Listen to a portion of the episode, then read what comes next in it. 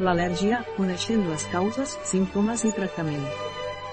Una al·lèrgia és una reacció immunològica específica de l'organisme cap a una substància normalment inofensiva que pot no afectar altres persones. Les persones que pateixen al·lèrgies sovint són sensibles a més d'una substància. Hi ha diferents al·lèrgies, rinitis al·lèrgica, urticària, èczemes. En arribar la primavera una de les paraules més pronunciades és al·lèrgia i al·lèrgies relacionades amb el clima, la situació geogràfica o les condicions higièniques, n'hi ha de debò temporals, els experts fan investigacions per tenir més coneixements sobre les causes, per millorar els mètodes per diagnosticar-les i tractar-les i per, eventualment, evitar-les. Què és l'al·lèrgia? Una al·lèrgia és una reacció immunològica específica de l'organisme cap a una substància normalment inofensiva, que pot no afectar altres persones. Les persones que pateixen al·lèrgies sovint són sensibles a més d'una substància, hi ha diferents al·lèrgies, rinitis al·lèrgica, urticària, èczemes, FACTORS que poden provocar al·lèrgia polen, es pot aconseguir més informació dels nivells de polen als diferents observatoris de Catalunya a la següent adreça, punt d'informació aerobiològica, xarxa aerobiològica de Catalunya Catalunya, partícules de la pulsa espores de les flors o dels fons determinats aliments goma de làtex verí dels insectes medicaments àcars i FONGS, CAUSS també d'al·lèrgia als àcars són microorganismes de la família dels aràcnids que viuen als matalassos, als coixins o al mosaic de les cases. S'alimenten d'escates o cèl·lules mortes que desprenen la pell de les persones. És l'excrement d'aquests animalons el que causa l'al·lèrgia, els fongs són plantes microscòpiques que creixen a llocs humits estan a la pols que es formen els objectes que han estat molt de temps ordenats o tancats, que s'han florit. Poden aparèixer com a petits punts blancs, verds o negres als aliments. Aquesta substància genera milers de partícules molt petites, anomenades espores, que contaminen l'aire i produeixen al·lèrgia en inhalar-les. Per què hi ha persones que pateixen al·lèrgia i d'altres que no? Es pot tenir una certa tendència a ser al·lèrgic, de fet és al·lèrgic a substàncies determinades, encara que cal exposar-se als factors causants, l'exposició a les substàncies que generen l'al·lèrgia, al·lergògens, en un moment en què les defenses del cos estan baixes, o durant l'embaràs, o desenvolupar l'al·lèrgia. Què és una reacció al·lèrgica? Normalment, el nostre sistema immunològic reacciona davant d'agents invasors, com els bacteris o els virus. A la majoria de les al·lèrgies, a més, el sistema immunològic reacciona davant una falsa alarma, quan una persona al·lèrgica entra en contacte amb l'al·lergogen per primera vegada, el seu sistema immunològic tracta aquest element com a invasor i es mobilitza per combatre'l. I ho fa creant gran quantitat d'un anticòs, proteïna que lluita contra la malaltia, anomenat immunoglobulina I, o IgE. Cada anticòs IgE és específic d'un tipus de l'al·lergogen. En el cas del polen, cada anticòs és específic d'un tipus de polen, quan l'al·lergogen troba el seu ija específic, dona el senyal a la cèl·lula perquè alliberi poderoses substàncies inflamatòries, com l'estamina.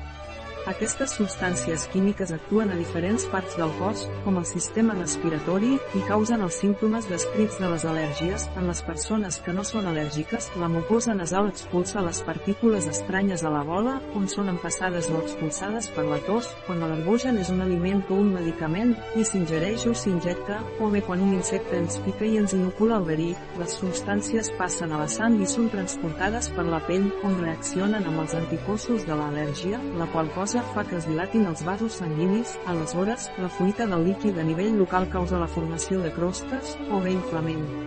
La RINITIS al·lèrgica La rinitis al·lèrgica és una de les malalties al·lèrgiques més comunes.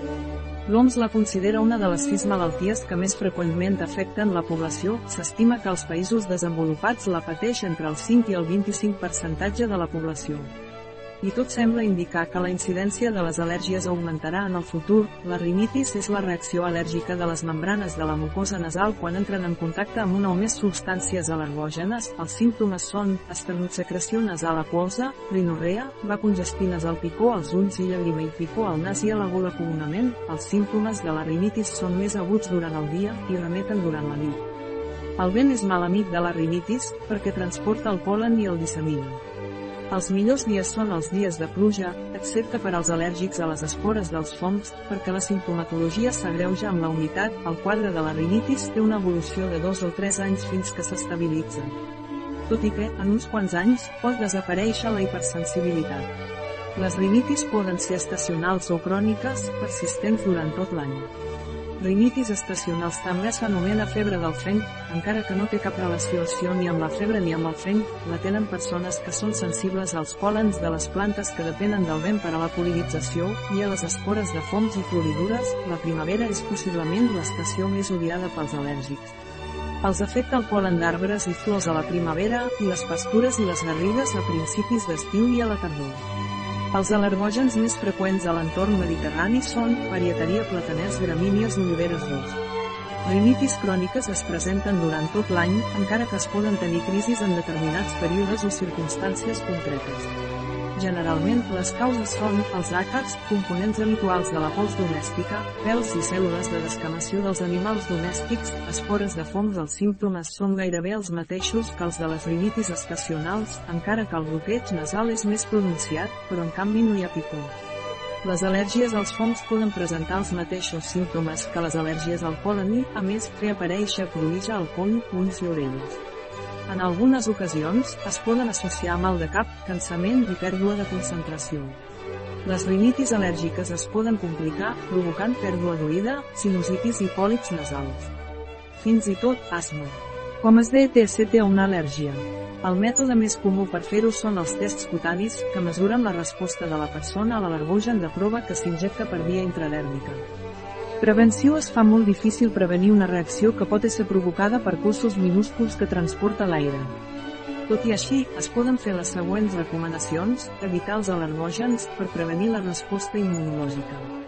Tenir tancades les finestres de les cases i dels cotxes, evitar estar massa temps a l'aire lliure a les èpoques de polinització, sobretot al capvespre, que és quan hi ha més polen en suspensió, evitar la presència d'animals a les cases.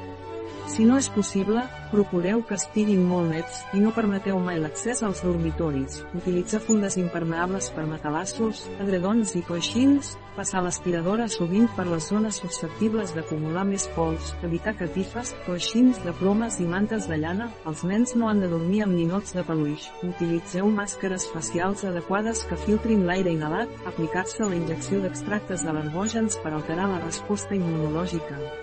Es pot ser URR l'al·lèrgia. Les al·lèrgies no tenen cura, però se'n poden controlar els símptomes. Després dels tests i de les proves de laboratori, cal establir a quines substàncies s'és al·lèrgic i decidir el tractament, que inclourà mètodes per protegir-se contra els al·lergògens, desensibilització amb vacunes, prescripció de medicament. TRCTAMN Telefarmàcia disposa actualment de molts principis actius per combatre les al·lèrgies, per tant, el paper del farmacèutic és molt important a l'hora de resoldre consultes dels afectats. El primer que cal tenir en compte són els mecanismes d'aparició, els tractaments més corrents són els següents, banys salins descongestius antihistamínics anticolinèrgics corticoides la immunoteràpia, vacunació específica contra els alergògens causants, no cura la malaltia, però redueix el nombre de símptomes, i en fa més fàcil el control, fuenta. Farmacèutic Ondina, com és al·lergia a K2. Un article de Catalina Vidal Ramírez, farmacèutica, gerent de Biofarma, la informació presentada en aquest article no substitueix de cap manera l'assessorament d'un metge, qualsevol menció en aquest article d'un producte no representa el suport dels objectius de desenvolupament sostenible a aquest producte.